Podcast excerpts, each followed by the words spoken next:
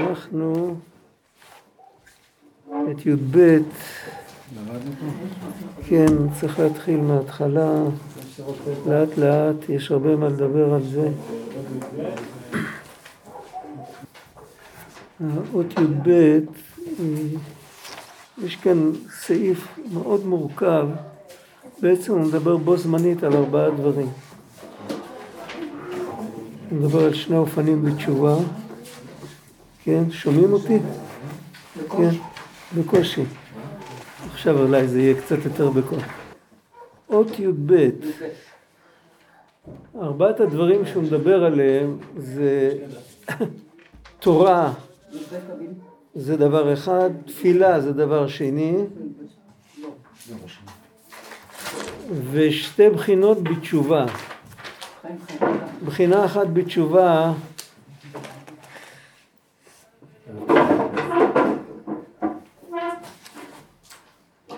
שזה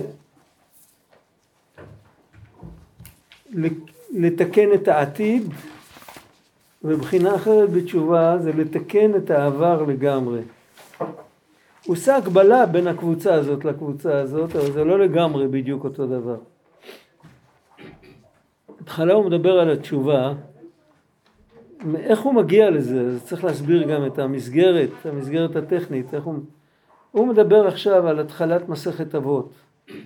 בתחילת מסכת אבות אה, כתוב שקוראים את שמה בערבית משעה שמותר לכהן שטבל מטומאתו לאכול תרומה. כשכהן טובל מטומאתו הוא צריך לחכות עד שנהיה לילה כדי לאכול בתרומה ומשעה שכבר נהיה לילה יחסית למה שרלוונטי לעניין של אכילת תרומה, מאז אפשר לקרוא קריאת שמע, זה נקרא בשוכבך. זה מה שכתוב במשנה. והגמרא שואלת, אז שיהיה כתוב שממתי שיש, ממתי שנהיה חושך, אז אפשר לקרוא קריאת שמע, למה לתלות את זה בסיפור של הכהן, שהוא נטמע והוא נטהר? ו... מה העניין? אז הגמרא אומרת שזה על הדרך רוצים ללמד אותנו עוד משהו, שהכהן הזה, אפילו אם הוא היה טמא בטומאה חמורה, כמו מצורע, אף על פי כן, אם הוא טבל מטומאתו, הצרעת נרפאה, והוא טבל מטומאתו, והרי למחרת הוא צריך להקריב איזשהו קורבן, מצורע מקריב קורבן אחרי שהוא נרפא, ואסור לו לאכול קורבנות עד שהוא לא מקריב את הקורבן שלו. יש קורבנות שאפשר לאכול אותם, וכל אחד יכול לאכול אותם, כמו שלמים, או קורבן פסח, או דברים כאלה, שהם בעיקרם נועדו לאכילה, וה... והוא אסור לו לאכול גם את הקורבנות האלה כל זמן שהוא לא הביא את הקורבן כפרה על הצרעת. זה, זה מה שכתוב שם. והייתי חושב אולי שגם אסור לו לאכול תרומה עד שהוא לא מביא את הקורבן, אבל בשביל זה המשנה מספרת לנו שבערב כבר אפשר לאכול תרומה. אז היא בבת אחת מספרת לנו שתי הלכות. גם את ההלכה שאפשר כבר לאכול תרומה למרות שלא הבאנו את הקורבן, וגם את ההלכה שאפשר להתחיל לקרוא קריאת שמע של ערבית שהיום עבר. זה מה שכתוב בגמרא. עכשיו, כל הדיון הזה הוא פלא. כאילו אי אפשר לדבר בעברית פשוטה. אפשר להגיד את ההלכה במסכת תרומה, או, במסכת אה, נגעים, שם מדובר על מצורע, אפשר להגיד במפורש שכדי לאכול תרומה לא צריך לחכות לקורבן של המחרת, אפשר לאכול באותו יום שטבלו בערב. ובהלכות קריאת שמע שיהיה כתוב רק שרואים כוכבים בשמיים שכבר חושך, אז אפשר לקרוא קריאת שמע. למה הגמרא, המשנה, רבנו הקדוש, ועוד בתחילת המשניות, איך שאתה רק מתחיל ללמוד משנה, הוא כבר מסבך אותנו עם מהלך כזה. אז לרבי צדוק זה היה לא מובן. הוא אומר שבוודאי מתחבא כאן משהו. יש כאן איזה רמז. מה הרמז? קריאת שמע נתפס גם כקבלת עול מלכות שמיים. וקריאת שמע בערב זה, מבחינה, אם מפשיטים את זה, זה לקבל עול מלכות שמיים מתי שאין אור, מתי שאין אור בנפש. ואף על פי כן אפשר לקבל עול מלכות שמיים. על זה הוא אומר ככה, הוא אומר בתשובה, זאת אומרת הוא מדבר כאן על בן אדם שפרק עול מלכות שמיים מעליו, לא היה לו עול מלכות שמיים, ועכשיו הוא בא לקבל על עצמו עול מלכות שמיים, הוא חוזר בתשובה. אז יש בית עניינים, יש עניין אחד שהוא להבא, ויש עניין נוסף שזה תיקון העבר. וזהו טעמה שצריך בית דברים. דבר אחד זה טהרה הלהבא, זאת אומרת לטבול מהטומאה, והדבר השני, הוא לא מסיים אותו פה, הוא מסיים אותו כבר כמה. כמה שורות, הדבר השני זה שבטומאה חמורה צריך גם קורבן, כמו שהזכרנו לפני רגע. עכשיו הוא מסביר מה, מה, זה, מה זה טהרה, מה המשמעות העמוקה של הטבילה, זה הוא לוקח מהרמב"ם. הרמב"ם בהלכות מקוואות כותב שכל ענייני טומאה וטהרה הם גזירת הכתוב, זה לא דבר הגיוני. הטומאה זה לא לכלוך שעוברת במים. אז אם הבן אדם הוא טמא והוא טובל במים, איך הוא נהיה טהור? אז הוא אומר שיש בזה רמז. הרמז הוא שבן אדם יטבול במי הדעת הטהור. יש דעת טהורה, וכשבן אדם נכנס לדעת, כמו שבן אדם נכנס למים, שכל כולו נכנס פנימה, זה מה שמטהר אותו. הטבילה, כפשוטו, היא הפועל שבא לרמז לבן אדם לטבול במי הדעת. בלטבול במי הדעת יש הרבה, הרבה רמות. אה, אספר סיפור. היה, סיפר הרב הזקן הקודם, הלפני קודם, של קריית גת, היה שם רב זקן, חסיד ויז'ניץ. אנשים מאוד אהבו לשמוע את התפילה שלו. והוא היה אה, פעם בשבוע בסעודה שלישית, היה, כולם היו מגיעים והוא היה, הוא היה מדבר, הוא לא היה קורא מספר, הוא לא היה מלמד, הוא היה מדבר, היה, לפעמים היה מספר סיפורים. והוא היה מאוד מאוד יהודי מתוק, כולם הקשיבו לו. הוא סיפר שהיה נער בן 15, והוא ראה יהודי זקן, אה, הוא כבר היה זקן כשהוא סיפר את זה, היה מאוד זקן. הוא ראה יהודי מאוד זקן, נסחב למקווה ביום שישי בצהריים, עם חבילה עם בגדים, להחליף לשבת, וקשה לו ללכת, קשה לו לסחוב את החבילה. אז הוא אמר לו, בוא, אני גם הולך לאותו כיוון, אני לוקח את החבילה שלך. אז הוא נתן לו את החבילה, הם הלכו ביחד. בדרך הוא שואל אותו, הזקן שואל את הצעיר, הוא שואל אותו, תגיד לי, אתה יודע את כוונות המקווה? אז אני בחור בן 15, מה אתה רוצה ממני? עם כוונות, עם עניינים, כוונות המקווה. אז אמר לה, אה, אתה לא מבין, אני לא מדבר על כוונות האריזל וגם לא על כוונות הבעל שם טוב. יש כוונות מהבעל שם טוב על טבילה במקווה. אז אני לא מדבר על הכוונות האלה, אני מתכוון כוונה על פי פשט, מה צריך לכוון כשטובלים במקווה? אמר, אני לא יודע. אז אמר, יהודי צריך שרגע אחד לא יראו אותו. להיעלם לרגע. ככה הוא נמצא וכולם רואים אותו, אז תיעלם לרגע. זה סוד כוונת המקווה, רגע אחד לא להיות. זה נקרא לטבול במי הדעת, הרמב"ם כותב שבטבילה יש כוונה. זה כתוב בהלכה שבטבילה יש כוונה, זה לא כוונה על פי קבלה, כוונה על פי, על פי הלכה. מה הכוונה? שעכשיו הבן אדם נכנס לתוך הדעת כולו, הוא נכלל בתוך הדעת. בעצם למקווה כזה לא היה צריך לרדת עם מדרגות, היה צריך לעלות למדרגות. אנחנו הרי מתחת לדעת, הדעת היא בראש, היא במוחין. אנחנו צריכים לעלות ולהתקלל בתוך הדעת. מה המשמעות של להתקלל בתוך הדעת?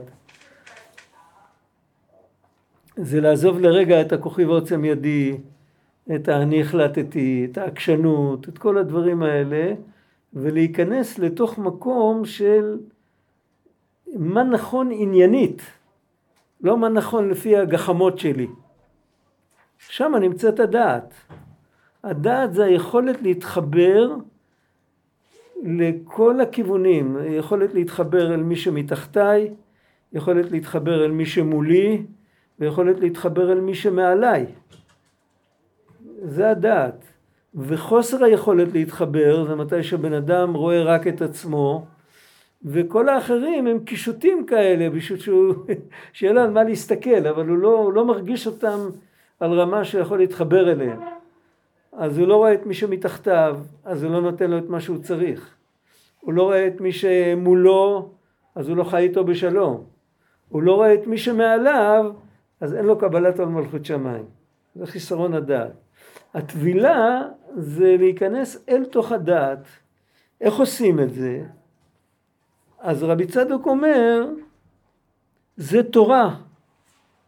הפסיעה הראשונה להיכנס לתוך הדעת, זאת אומרת לעזוב את העולם הסובייקטיבי שלי ולהיכנס לאיזה משהו שהוא אובייקטיבי, זה עבודה, זה עבודה לא פשוטה בכלל, אבל יש לנו משהו שהוא אובייקטיבי, שהוא לא אנושי, יש לנו את זה בתורה. רק בתורה אנחנו לא רואים את זה כל כך. התורה נראית לנו שכל, או סיפור, או רגש. אנחנו לא כל כך רואים שזה לגמרי אלוקי. אבל בתוך התורה, אנחנו תכף נראה, אה, המדרש רבה אומר בתחילת מגילת איכה, שהשם יתברך אמר לירמיהו, אה, אותי עזבו ותורתי לא שמרו, הלוואי אותי עזבו ותורתי שמרו, שהמאור שבה מחזירו למוטב. התורה נקראת אור, כי נר מצווה ותורה אור. לכל אור יש מקור. מה המקור של האור? איך הוא נקרא בעברית מקור האור? הוא נקרא מאור. המאור הגדול, המאור הקטן. והתורה היא אור, אבל יש בתוך האור יש את המאור. אנחנו מזהים, כשאנחנו רואים אור ירח, אז אנחנו לא צריכים להסתכל למעלה לראות שזה בא מהירח. האור הוא גוון של אור שהוא כנראה הגיע מהירח. וכשרואים את אור השמש אז גם מזהים לפי האור, אפשר לזהות את המקור שלו. כשמסתכלים בעין אמיתית על התורה, אז אפשר לזהות שהמקור שלה הוא אלוקי. צריך הרבה סבלנות והרבה ענווה בשביל זה, אבל אפשר לראות, יש שם איזה נקודה, ואפילו אם לא מזהים, אבל זה נמצא שם. והיות שזה נמצא שם, אז המאור מחזירו, מחזיר את האדם למוטב. וזה הדרגה, הרמה הראשונה של טבילה במי הדעת. זה פשוט לפתוח ספר וללמוד. זה ההתחלה. ספר של תורה שהוא ניתן מאת האלוקים והצורה החיצונית שלו זה שכל, אבל הפנימיות שלו היא אלוקית. אז זה ההתחלה של הטבילה, וזה מטהר את האדם. וזה הרמב"ם טבע את המושג הזה? לא. מי הדעת כתוב ברמב"ם, כתוב שכיוון שטבל במי הדעת, אז הוא טהור. בסוף הלכות מקוואות, ההלכה, הפסקה האחרונה של הלכות, של, של הלכות מקוואות זה, זה הביטוי הזה. הוא אפילו לא מציין לרמב"ם בגלל שזה כל כך ידוע, כולם מצטטים את זה מהרמב"ם, שהוא לא כותב אפילו בסוגריים שזה בא מהרמב"ם. ומצלה מעבירות להבא. זה מציל את האדם מלחטוא להבא. מה פירוש זה מציל את האדם מלחטוא להבא? זה נצטרך לראות בהמשך. איך זה מציל? הוא נכנס לתוך הדעת, אז בפשטות, איך שנראה את זה עכשיו, אז אין אדם חוטא, אלא אם כן נכנס ברוח שטות. אז היעדר הדעת עלול להביא לחטאים, וחזרה לדעת שומר אותנו מחטאים. ככה זה בפשטות. שהמאור מחזיר למוטב. זה כבר יותר עמוק. זה לא רק הדעת, הפנימיות של הדעת זה הכתר. על פי קבלה, אולי לא ניכנס לזה כרגע. כמו שכתוב במדרש רש איכה. זה הזכרתי כבר, הלוואי אותי עזובו ותורתי שמרו, שהמאור שבה מחזירה למוטב. וכמו שכתוב בתנא דבי אליהו במדרש, מהי תשובה כתוב? כתוב שם ככה, אדם חטא ונתחייב מיתה למקום. מה יעשה ויחיה אם היה רגיל ללמוד דף אחד, לקרוא כתוב שם, על תנ"ך. אם היה רגיל לקרוא דף אחד יקרא בית דפים, אם היה רגיל לשנות פרק אחד יקרא ש... שני. שני פרקים. מה המשמעות של זה? המשמעות של זה שזה המקווה שלו, זה, הדע, זה נותן לו את הדעת שמכאן הוא לא יחטא יותר, ואם הוא לא יחטא יותר אז לא יעניש אותו. וכפרה הוא לתקן העבר ולכפר החטא, לא רק להוריד את העונש, אלא לכפר את החטא, את הקלקול של החטא, ובזה יש הרבה מה לדבר, יש... אה, צריך להבין, המקובלים מדברים על זה שכשבן אדם חוטא, הוא ממשיך תוספת חיות לקליפות. איזה קליפות? מה זה קליפות? מה, מה כל המושג הזה? אז הקליפות זה מהות רוחנית, שזה בעצם מתבטא בהשקפת עולם. השקפת עולם הזאת, שכל אחד עושה מה שהוא רוצה ואין עליו בעל הבית, זה סוג של קליפה. וצריך קליפה כזאת. קליפה שומרת על הפרי. אם בן אדם ירגיש שאין לו שום עצמאות, הוא לא יכול להתקיים. הוא חייב שיהיה לו איזה, שהוא ייקח אחריות, שיהיה לו איזה, שהוא יהיה יחידה נפרדת. וגם לצורך הבחירה. השם ברא את האדם בצורה כזאת שאם הוא ירצה לחטוא, שהוא יוכל לחטוא. אז חייב להיות לו איזשהו מינימום של קליפה. והקליפה הזאת מתלבשת בלב שלו. את, את הסברות של הקליפה אפשר בקלות לסתור.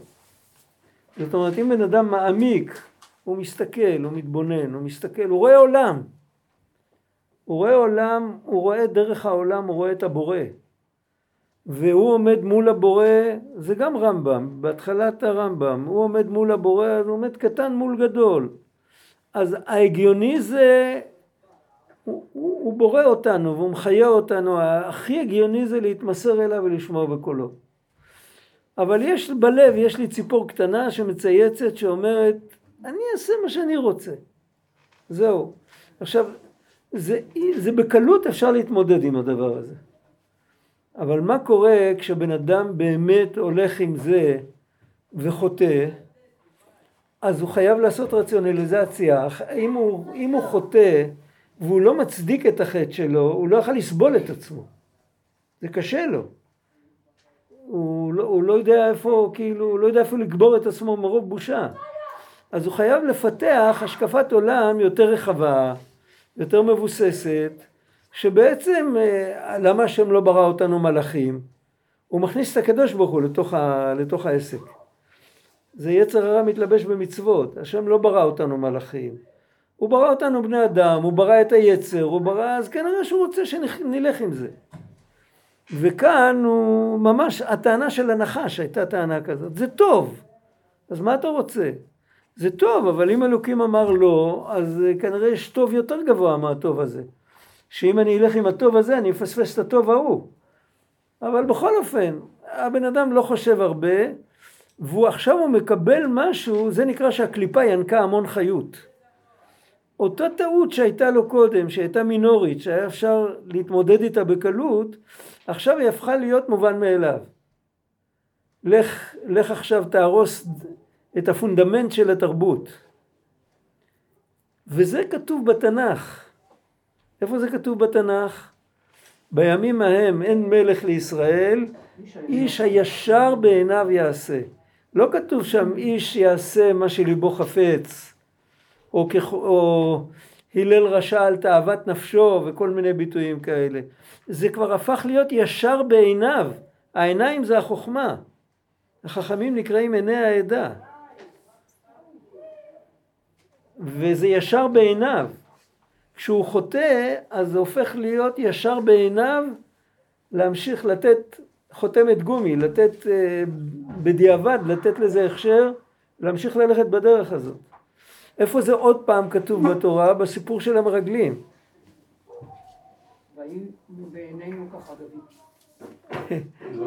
אחרי הנאום של כלב, שכלב בעצם עושה השוואה התגברנו על פרעה, התגברנו על עמלק, התגברנו על כל מיני, נתגבר גם עליהם. מה, כאילו, מה, מה פתאום אתם כל כך פוחדים? לא היה להם מה לענות. מבחינת ה, כל זמן שהם, אם הם היו נותנים לכלב, כאילו, להשפיע עליהם, אז הם היו נפטרים מהעונש הזה של להישאר 40 שנה במדבר. אבל הם לא יכלו לסגת. הם כבר, הם, הם היו צריכים, מה, מה, מה הם יגידו לכולם? הם היו אנשי שם, נשיאי עדה.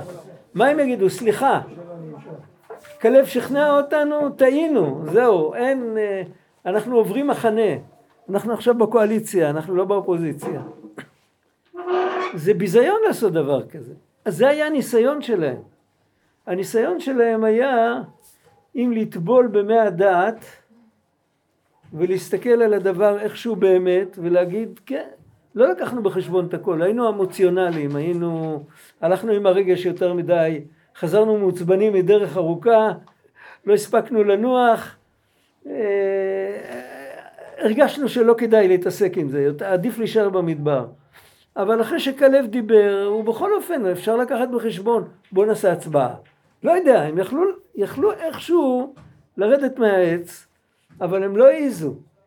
למה? כי הכבוד שלהם היה יותר חשוב מהכל. וזה מטה, זה כמו שוחד. זה שוחד מעוור פיקחים. איש הישר בעיניו יעשה כי הוא קיבל שוחד. מה השוחד? שהוא לא מספיק כנה והגון ואמיץ להגיד בפני כולם טעיתי.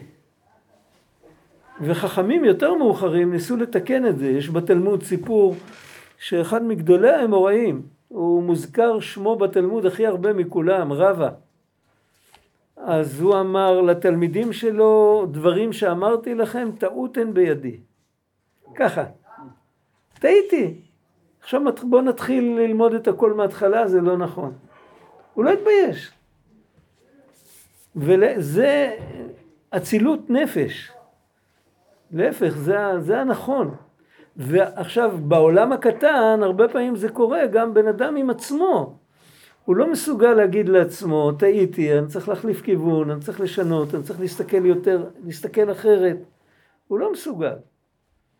ולהיכנס, שרגע אחד לא יראו אותך, נחזור לסיפור שסיפרתי. רגע אחד שלא יראו אותך, זה לא רק שאחרים לא יראו אותך. רגע אחד שאתה לא תראה אותך. תסתכל על העניין כפי שהוא. כמו שהקדמונים כתבו שחוכמה אמיתית זה ידיעת הדבר כפי שהוא. בלי מניפולציות. בלי אם זה להפסיד או להרוויח. תסתכל אם זה נכון או לא נכון. תסתכל בעיניים, לא מה שישר בעיניי, אלא מה שישר באמת. כן? זה... אני כמו אחד שאיבד את הפלס. כשאתה עומד על, על, על מדרון ומישהו מחזיק מולך 30 מטר ממך חבל ישר ואתה עומד מולו והמדרון הולך ככה אני פה, אתה שם הוא מחזיק חבל ישר, לי נראה שצד שהוא, איפה שהמדרון יותר נמוך תמיד יש לי אשליה שהאדמה היא ישרה אם זה מדרון מתון אז נראה לי שהוא מחזיק את הצד הזה, את החבל הוא מחזיק יותר גבוה כי המרחק הוא לא אותו דבר.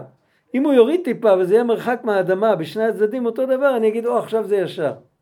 אבל זה תעתוע של העיניים. אם ניקח פל, פלס ונשים מתחת לחבל, אז נראה מיד אם זה ישר או עקום. הפלס הוא אובייקטיבי. ההסתכלות שלנו, זה תלוי על מה רגלינו עומדות. אם אנחנו לא עומדים ישר, אז גם ההסתכלות שלנו היא לא ישרה. והבן אדם נכשל עכשיו הוא כבר לא עומד ישר. האלוקים עשה את האדם ישר, והמה ביקשו חשבונות רבים. אז הוא צריך את הפלס, הפלס נמצא בדעת. הוא צריך לטבול במי הדעת. זאת אומרת, הוא... זה עבודה, זה עבודת נפש. כאילו לשים בצד את האינטרסים, כן. מה ההבדל בין מצפון לדעת? אני לא יודע מה, מה התכוון בן יהודה כשהוא טבע את המילה מצפון. לכאורה, אני לא יודע, המושג מצפון זה בא ממצפן, ולא לאבד את הצפון, והצפון זה כאילו, כאילו הדבר האובייקטיבי. יכול להיות שזה אותו דבר, אבל אני לא יודע. אני לא יודע. שאלה. ועם הדעת הזאת זה יכול להיות קשור גם ל... כי מלאה הארץ דעה, כמים לים. או, אוקיי, אז שמה. זה עוד דרגה בדעת, ששמה זה כל כך מובן מאליו, ההסתכלות הזאת שכבר אין הסתכלות אחרת. כמים לים מכסים, כולם, כולם טובלים עכשיו בתוך הדעת. אין, אין אפשרות אחרת, אבל היום אפשר להיכנס, אפשר לצאת. גם מי שטובל במי הדעת הטהור, הוא לא מאבד את הבחירה. הוא יכול אחר כך לשכוח מזה. הוא צריך להחזיק ראש, זה, זה כמו שבן אדם מתעורר והוא נרדם אחר כך.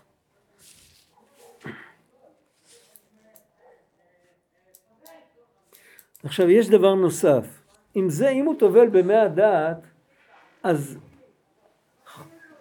יש כאן, הוא עולה בשתי רמות. רמה אחת, הוא מתקן את זה שהוא מתקן את ההסתכלות העקומה שלו.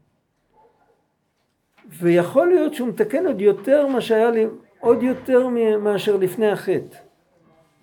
זה ברור? לפני החטא עוד היה מקום לאיזה סברה קטנה, כמו שאמרנו, יש איזה ציפור בלב שצועק, מצייצת, אני אעשה מה שאני רוצה. אבל יכול להיות אם בן אדם כבר ראה לאן זה הביא אותו, ועכשיו הוא עושה סוויץ', והוא מבין שזה לא נכון, אז יכול להיות שעוד פעם, אם זה יבוא עוד פעם, יהיה לו דווקא יותר קל להתגבר. אבל על כל פנים לא מדובר על תיקון העבר, מדובר על מכאן ולהבא. וצריך לזכור שזה לא תעודת ביטוח. בן אדם צריך אה, להיות ער ולא לא להירדם בשמירה. תמיד אפשר ליפול עוד פעם. אבל מה יהיה עם תיקון העבר? בתיקון העבר יכול להיות שבסדר, את מה, ש... את מה שאני קלקלתי אצלי בנפש יכול להיות תיקנתי. אבל יש לזה, זה כמו שזורקים אבן בבריכה. זה עושה גלים עד סוף הבריכה. הבן אדם שאימץ לעצמו איזה מחשבה, הוא כבר, הוא כבר, הוא כבר הסתובב בין אנשים. איך אה, רבנו אומר, נש, נשמנו את אותו אוויר. הוא אומר את זה שלהתבודד צריך במקום שאנשים לא מסתובבים. לא רק שעכשיו לא מסתובבים, שלא מסתובבים שם בכלל. זאת אומרת, יש השפעה הדדית גם כשאנחנו לא מדברים באופן רשמי עם מישהו. ואם אנחנו מקלקלים בפנים, אז אנחנו מקלקלים גם בחוץ. איך מתקנים את זה? ועוד יותר, עוד פעם, נחזור לדברי המקובלים, אנחנו מתקנים, אנחנו מקלקלים גם לכל הכיוונים שדיברנו בהתחלה. גם כלפי מטה, גם בגובה העיניים וגם כלפי מעלה. אנחנו עושים פגם בעליונים. איך אפשר לתקן את כל זה? אז בשביל זה, לתקן, זאת אומרת, לתקן את העבר, הרי העבר עבר, מה אפשר לעשות? במסילת ישרים כתוב שהשם יתברך מחשיב את עקירת הרצון כעקירת המעשה. זה לא שכאילו היה כתוב שורה והעבירו עליה קו. זה התפוגג, זה איננו. לא עשית. למה? כי התשובה מגיעה למעלה מהזמן.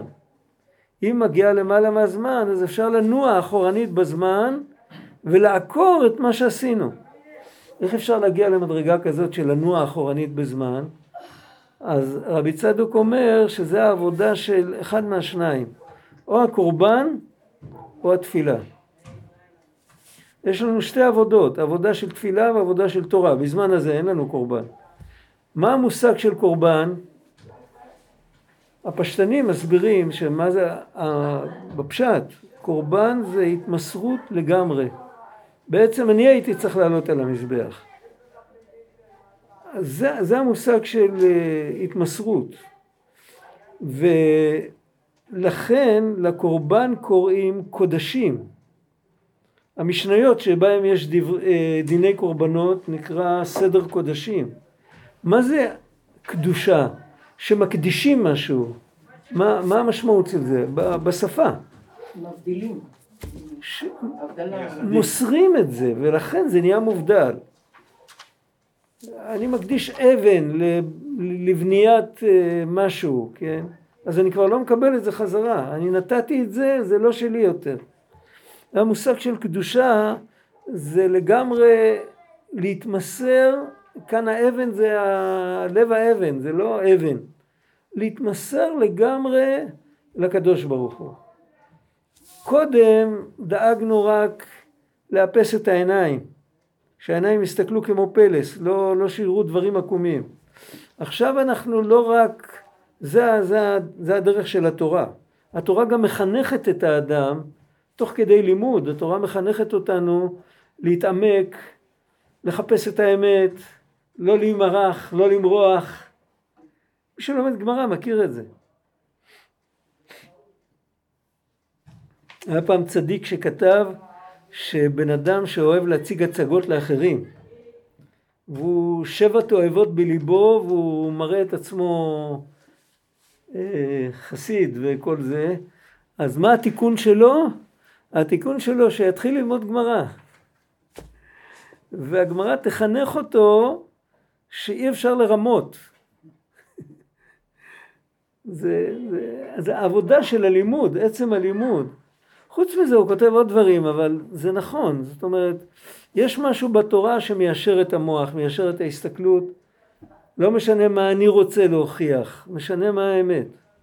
ואם אני לא יכול להוכיח משהו עד הסוף, אז אני מקבל אה, טיובטה, אני מקבל כאילו, מוחקים אותי. אני, אני מופרך. וזה העבודה של התורה. העבודה של התפילה זה אליך השם נפשי אשא. זה לעמוד מול הקדוש ברוך הוא ולהגיד אני שלך. זה, זה העבודה של התפילה, והעבודה הזאת, בעבודה הזאת בן אדם לוקח את עצמו ומרים את עצמו לנקודה שהיא מעל הזמן. זה צריך להבין יותר טוב, את כל הנושא של הזמן. יש כאן כמה נושאים, הוא, הוא כותב מאוד בקיצור, על כל סעיף אצלו אפשר לכתוב כמה דפים.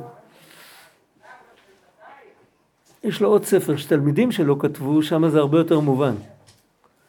שהם הם כבר, כאילו, הם כתבו את מה שהוא דיבר בעל פה, בעל פה הוא דיבר יותר ארוך. אבל פה צריך להבין, מה, מה הנקודה, מה הנקודה של הזמן בכלל? מה זה זמן?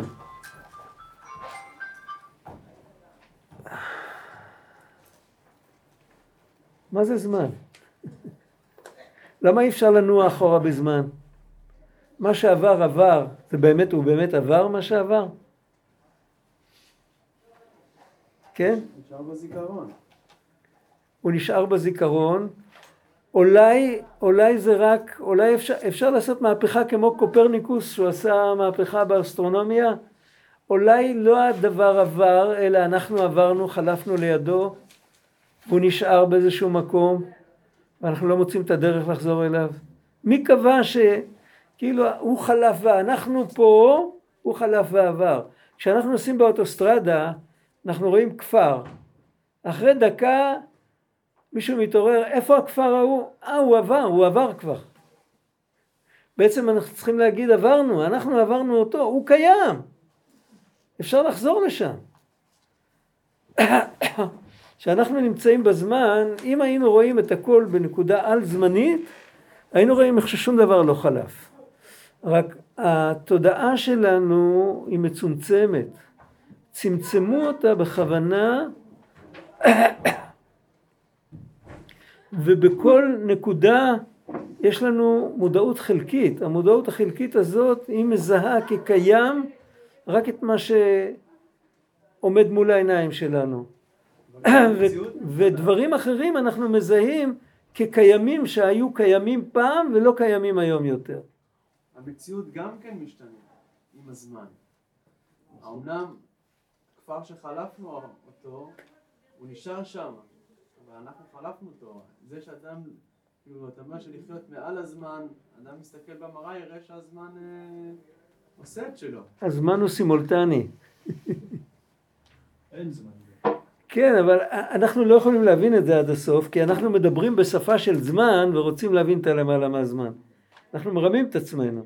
אפשר לתת הרבה משלים על זה. אתה עומד על המגדל ואתה רואה כולם רצים מסביב, אבל אתה רואה אותם בו זמנית, כל אחד רק רואה את הגב של השני. אבל זה עוד פעם, זה בגלל שאנחנו אנחנו מחפשים מתוך המושגים שלנו להבין מה זה זמן, מה זה למעלה מהזמן, אנחנו לא יכולים לדעת. אבל מה שכן, מה? כשמשה רוצה להבין מה רבי עקיבא, כן, התגים וזה, אז הוא אומר, היה לו אומר לו, סוב לאחור. כן, תסתובב אחורה, כן. ואז תראה את ה... ואז תראה. אז כן. כאילו, אבל אה? אין לנו את היכולת. אנחנו כאילו לכודים בתוך זה. זה. הסיבה היא פשוטה, אנחנו נבראנו ביום השישי של הבריאה, הזמן התחיל ביום הראשון של הבריאה. אנחנו כבר, אצלנו הזמן הוא הבסיס לכל התהליכים, לכל התובנות, לכל... בלי זמן אי אפשר להבין כלום. זה גם אשת לוט, אשת לוט גם. הסתכלה אחורה. מה זה? הסתכלה אחורה, זה גם קשור לזמן. היה אסור לה. היא ניסתה להסתכל אחורה, אבל שם אפשר להסביר את זה גם שהיא הסתכלה אחורה גיאוגרפית. היא התקדמה, אי אפשר לדעת. אין לנו... אבל ברגע שבן אדם מתמסר לגמרי לבורא שברא את הכל, הרי המילה הראשונה בתנ"ך זה בראשית. התחלת הבריאה זה קודם כל נברא הזמן. דיברנו על זה פעם, שאלו פעם את המגיד, המגיד ממזריץ', שאלו אותו למה השם לא ברא את העולם קודם? אם כל כך טוב לברוא עולם, למה הוא לא ברא קודם? אז הוא צחק, הוא אמר לא היה קודם. הקודם ואחר כך נברא בבריאה. לא היה קודם. אז אם, אם אנחנו מתמסרים לגמרי, אז אנחנו נוגעים בנקודה, באמונה, לא בחוויה. אנחנו נוגעים באמונה, ב, ב, עם האמונה שלנו, בנוכחות שהיא מעל הזמן. עכשיו יש כאן עוד נקודה. בתורה יש את הנוכחות האלוקית, בואו לא נדבר עכשיו על למעלה מהזמן. בתורה יש את הנוכחות האלוקית בבחינת אמונה. בתפילה אפשר להגיע לנוכחות האלוקית ברגש.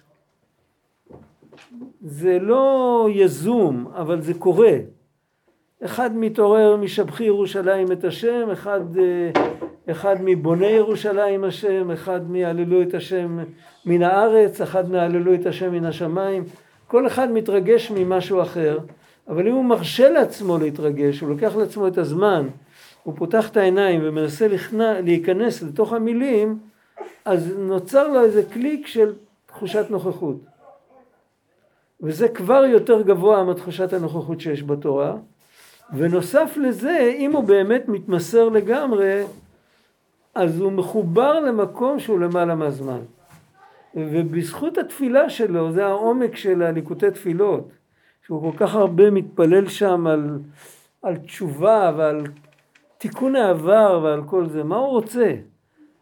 בליקוטי תפילות הוא פשוט מעמיד את הבן אדם פנים אל פנים מול השם. יהודי שאומר כל יום כמה דקות ליקוטי תפילות, הוא מקבל תחושה של נוכחות. עכשיו, זה יכול להיות גם סתם פסיכולוגי, זה יכול להיות, אבל בגלל שבשורש זה אמיתי, הנשמה היא חלק אלוקה, אז זה באמת תחושת נוכחות, זה לא סתם בלוף. ועל ידי זה הוא יכול לתקן את העבר ולכפר את החטא, והוא על ידי קורבן, בבית המקדש זה היה על ידי קורבן, ודוגמתו תפילה או תענית או צדקה. שתפילה ותענית וצדקה זה של ג' וגם קורבן, זה הכל ארבעה אופנים של התמסרות. בקורבן, הקורבן הכי דומה לצדקה בעצם, כי אנחנו מוסרים את הרכוש. ובתפילה, בתענית אנחנו מוסרים את הגוף. בתפילה אנחנו מוסרים את הנפש. זה, זה הכי גבוה. ובגלל זה בקורבנות היה גם שירה וזמרה ו, ותפילה ווידוי. וקיימלן, ההלכה היא שכפרה לא מעכבת. זאת אומרת, אם, אפילו אם לא מעכבת מלאכול תרומה. הוא חוזר עכשיו להתחלה, מה שדיברנו. שהכהן יכול לאכול תרומה מהרגע שנהיה לילה, למרות שהוא היה מצורע והוא עדיין צריך להביא קורבן, אבל הכפרה לא מעכבת. אז הוא מסביר למה. דתשובה אפילו הרהר בליבו הרי זה צדיק גמור. זה מוכר, כולם מכירים את זה, יש uh, המקדש את האישה על מנת, אז אם העל מנת לא מתקיים, אז הקידושין לא חלים. הוא אומר על מנת שאני עשיר, הוא נמצא עני, או על מנת שאני גיבור והוא נמצא חלש. אז הקידושין פוקעים, הוא רימה אותה. שום דבר לא יכול לחול אם הוא, אם הוא שקר. אבל אם אדם מקדש אישה על מנת שאני צדיק, אז אפילו אם יתברר שהוא רשע, עדיין אם מספק היא מקודשת לו. אם, אם הם רוצים להיפרד, הם צריכים להיפרד עם גט. למה? שמא ירהר תשובה בליבו. נו, so what? ואם הוא ירהר תשובה בליבו, היה כל החיים שלו רשע. לא סתם רשע, כתוב כאן, רשע גמור. והוא אמר על מנת שאני צדיק גמור. הוא רשע גמור. אבל אם הוא באמת ערער תשובה בליבו, אז באותו רגע, באותו רגע שהוא קידש אותה, הוא היה צדיק גמור. אז לאותו רגע זה חל, אחר כך כבר אי אפשר לפרק את זה. והיות שאנחנו לא יכולים לדעת, אין אדם יודע מה שבליבו של חברו, אז אנחנו אומרים ליתר ביטחון שהם לא ייפרדו אחד מהשני בלי גט. אבל מה רואים מזה? רואים שהכל תלוי במחשבה של האדם. לא צריך דווקא תענית, ולא צריך קורבן, ולא צריך תפילות, לא צריך כלום, צריך פשוט לטבול במי הדעת. אולי היהודי הזה באותו רגע שהוא קידש את האישה, הוא טבל במי הדעת. אז לכן זה היה, זה היה אמיתי. מה שהוא אמר לה היה באותו רגע אמיתי. הדעת במקור, פעם הראשונה, דעת טוב ורע. זאת אומרת, יש בזה גם את האלמנט ה... דעת טוב ורע, אדרבה, זה יכול לעשות בירור, וזה לא, זה בדיוק הפוך ממה שאנחנו, כשאנחנו חסרי דעת, אנחנו לא יודעים טוב ורע. יש את הפסוק בטרם ידע הנער בחור בטוב ומאוס ברע בישעיהו, בתחילת הנביא שם. אז שם מדובר על ילד שהוא עדיין לא קיבל דעת. כתוב שם, בטרם ידע הנער תעזב הממלכה, איך כתוב שם? תעזב הארץ משני מלכיה. זה כל כך מהר יקרא, הנה נולד ילד, עוד לפני שהוא יקבל דעת, וכמו שאומרים, לפני שהוא יתחיל לדבר, או לפני שהוא יתחיל אה, להבין דברים, אז כבר שני המלכים האלה הם שני אודים השנים, ולא יש... אל תפחדו מהם. זה התוכן של הנבואה. ולהפך, אם מדברים על דעת טוב ורע, דעת טוב ורע זה מושג חיובי, זה, זה לשפוט אובייקטיבית מה טוב ומה רע. זה לא מושג שלילי. צריך לזהות את הרע. לא צריך להתבחבש איתו, אבל צריך לזהות אותו. בשביל לזהות אותו צריך דעת. זה שאמרו להם לא לאכול מהעץ הזה, זה היה בגלל סיבה אחרת. הם היו כל כך קדושים, שהם לא היו, הם, זה בשבילם זה היה ירידה. בשבילם זה היה ירידה, זה היה כאילו לרדת לתוך עולם שבו מזהים את הטוב ואת הרע לא, לא בצורה אמיתית לגמרי, אלא בצורה של אה, מה טוב לי, מה רע לי, זה היה ההתערבות של הנחש. דיברנו על זה פעם, לנחש היה סקאלה אחת של טוב ורע. לבני אדם צריך להיות שתי סקאלות של טוב ורע. טוב ורע טבעי וטוב ורע מוסרי, אלוקי. והנחש לא הכיר את הטוב ורע השני. אז הוא אמר זה טוב, בזה שהם שמעו לו הם ירדו מהטוב הרע שמיועד להם לטוב הרע של הנחש שהוא לא בעל בחירה אז הם ירדו בדרגה. אז לכן שמה זה, זה שלילי. אבל המקור של לזהות טוב ורע, הלוואי עלינו שנהיה בדרגה של אדם אחרי החטא. זה ברור? הוא היה בדרגה מאוד גבוהה, זה, זה לא המקום עכשיו להסביר את זה, למדנו את זה פעם. הוא היה בדרגה מאוד גבוהה שלגביו זה היה, זה היה פגם גדול. אני פגוע בשמיעה. מה שאמרתם אה, פלס ואמת. כן, מצד אחד, אה, אתה מדבר על חוויה, על דעת, מצד שני אני מבין על הלכה. כן, אמרת את זה בהקשר של חטא, שאדם שחטא. כן, אז הוא יודע שהוא חטא כי זה מנוגד להלכה, אבל בעניין של דת, בעניין של חוויה, יש הרבה הונאה עצמית. לא, לא ברור איך... איך, איך היום- הקשר ביניהם? איך הדת יכול להיות חוויה של אמת, היום.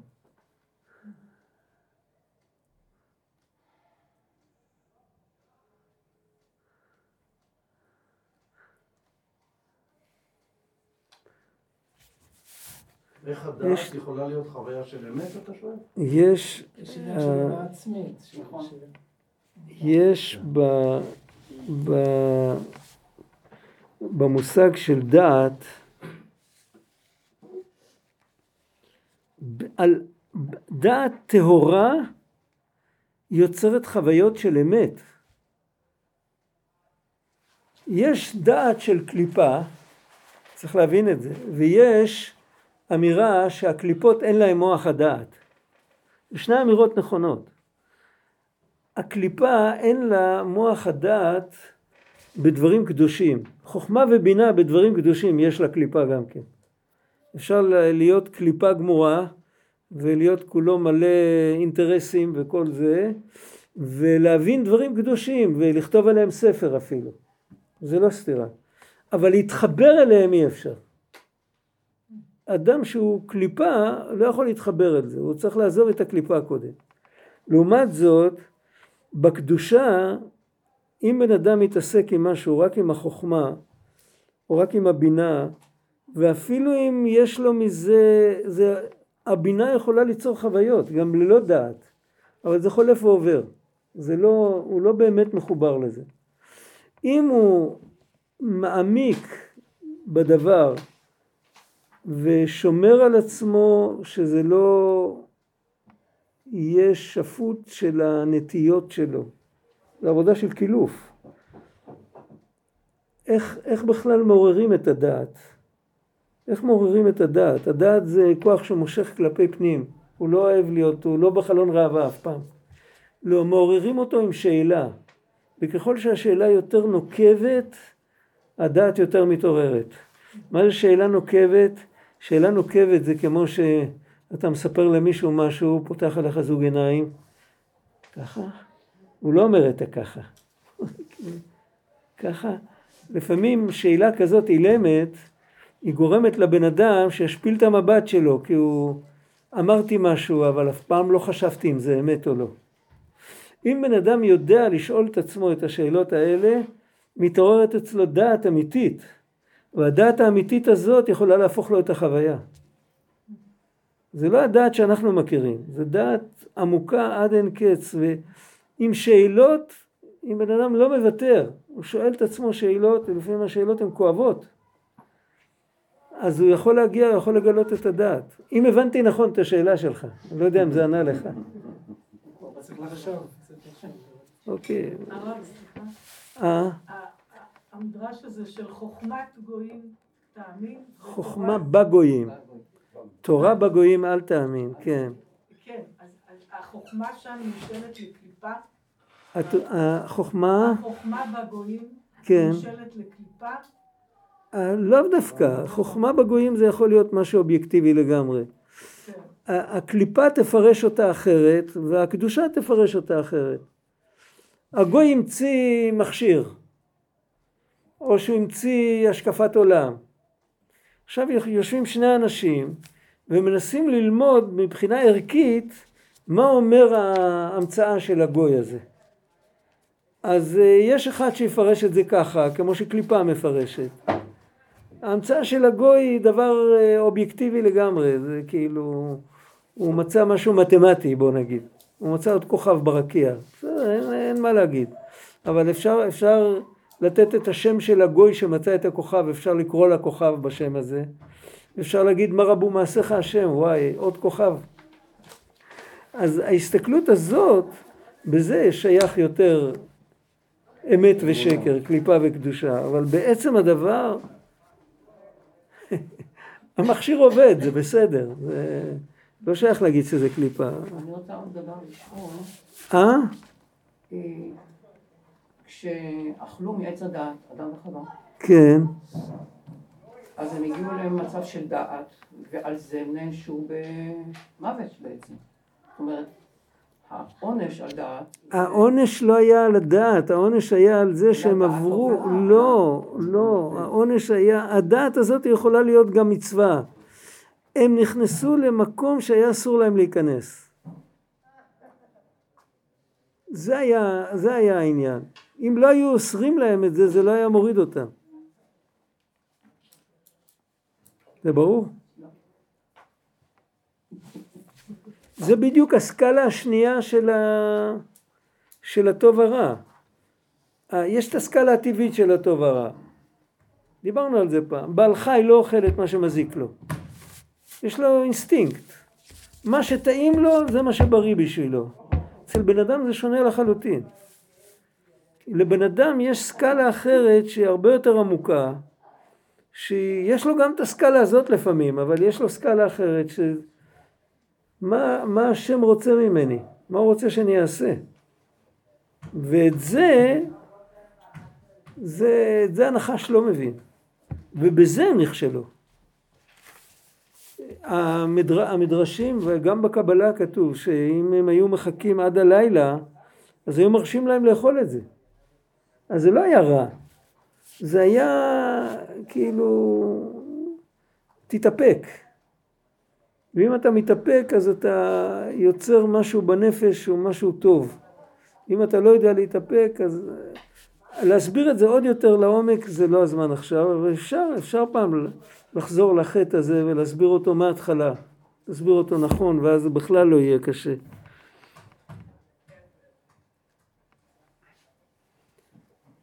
אבל לקודשים, הרוצה להתקדש ולהיות קדוש, צריך גם כן לרפא את הקודם.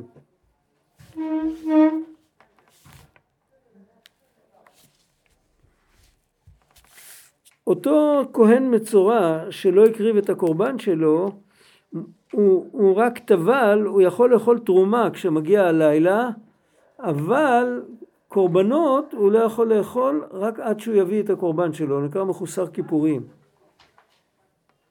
זאת אומרת, מה אנחנו יכולים ללמוד מזה בזמן הזה?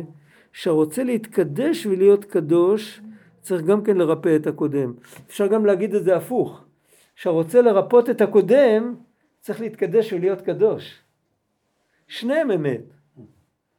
כי צריך להגיע למקום כזה שאי אפשר להיכנס אליו בלי להתקדש, וכשמתקדשים אז מרפאים את הקודם, העבר בעצם. את העבר.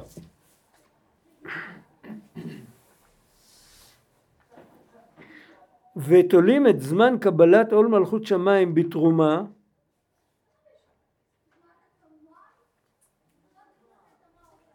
למה תלו את זמן קריאת שמע? זו הייתה שאלת הפתיח שלנו.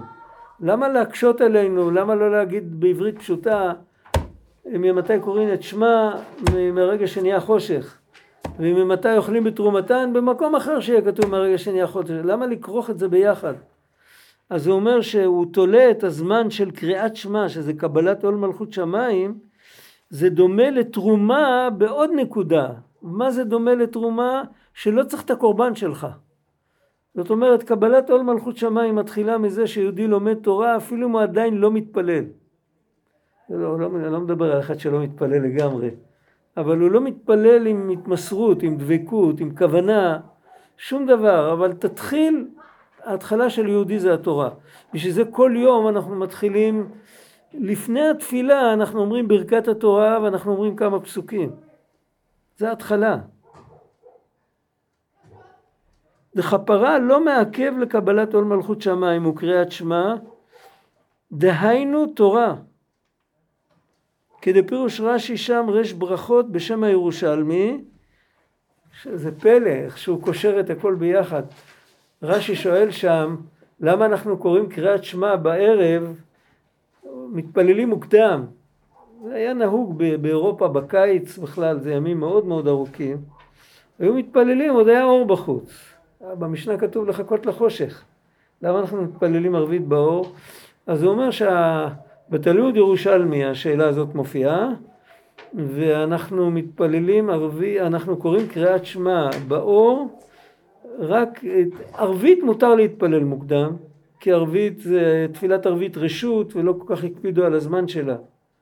כך זה שיטת הרמב"ם ויש איזה, מי שרוצה לעיין, יש איזה ביאור בהלכות תפילת ערבית בערוך השולחן, הוא מבאר את זה באריכות, את השיטה הזאת. וקריאת שמע לפני ערבית זה היה רק כדי לעמוד בתפילה מתוך דברי תורה. ובעצם איך יצאו ידי חובת קריאת שמע של ערבית? בקריאת שמע של המיטה. כך כותב רש"י. אז מה רואים? רואים שההתחלה זה שיהודי ילמד תורה. והתפילה באה בהמשך לתורה. אותו דבר בבוקר, אנחנו כל הזמן לומדים. עד ישתבח, אנחנו קוראים פסוקים. אנחנו לא מתפללים. חוץ מברוך שאמר וישתבח ולעולם יהיה אדם, זה הכל פסוקים, זה הכל לימוד. כי כשמגיעים להשתבח, משם מתחילים להתפלל.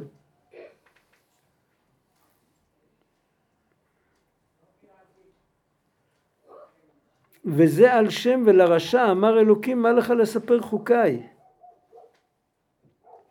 בעצם גם ללמוד הוא לא יכול, אבל מיד שנטהר, מיד שהוא טובל במי הדעת, הוא מקבל ראש, הוא מקבל פלס, הוא מקבל, הוא יודע מה נכון, מה לא נכון, אז על ידי זה, הרי זה צדיק גמור ויכול לקבל עול מלכות שמיים.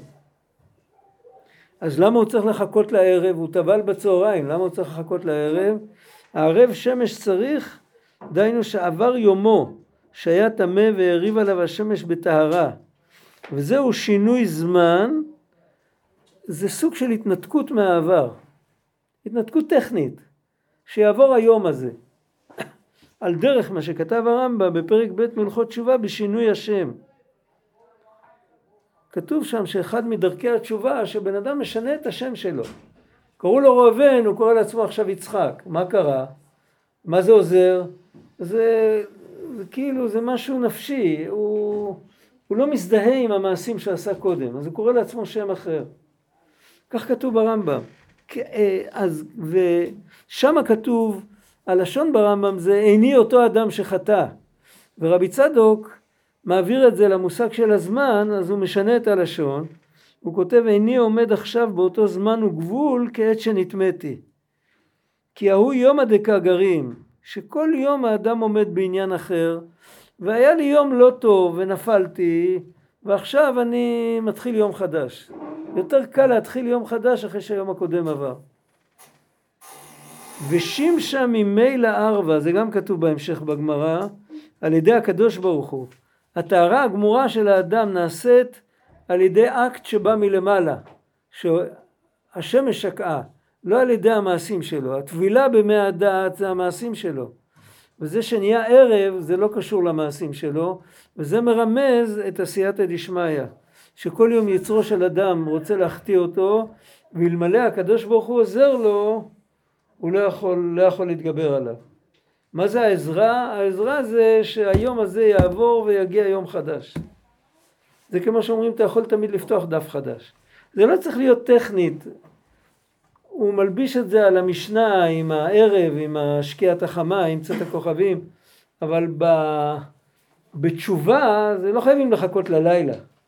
אבל זה אותו דבר בנפש, כאילו הוא שם פס, שם אה, כאילו התחלה חדשה, עכשיו נבראתי. יש לכל בן אדם, יש תמיד, זה רק לסיום, הגיע הזמן כבר, יש שתי קצוות בעבודה שלו, לכל אדם. אנחנו נדבר עכשיו רק על קצה אחד. קצה השני אולי תגידו לי פעם הבאה, תזכירו לי. קצה אחד זה הקצה התחתון של העבודה. אם בן אדם צריך להתחזק, להגיד לעצמו, היום התגיירתי. הוא לא יכול להגיד לעצמו, היום נולדתי. אבל הוא יכול להגיד לעצמו, היום התגיירתי. זה כתוב ביסוד התשובה של רבנו יונה, במפורש. בן אדם שרוצה להתקרב לקדוש ברוך הוא, אז הוא צריך לפתוח דף חדש, לא להסתכל, אין לו עבר. אחר כך הגיע הזמן, הוא יתקן את העבר. הדבר הראשון, לפתוח דף חדש, דף חלק, טבלה ראסה. אין כלום, כל העבר לא קיים, מעכשיו אני לוקח את עצמי בידיים.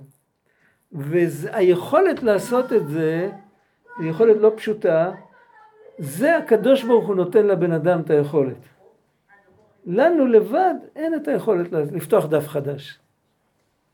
זה לא קל. אני אומר שאני פותח דף חדש, בלילה אני שוכב, אני ישן, כל הסרטים ימשיכו להסתובב כאילו לא אמרתי כלום. אבל אם בן אדם, אם השם עוזר לו, אז הוא פותח דף חדש. זהו.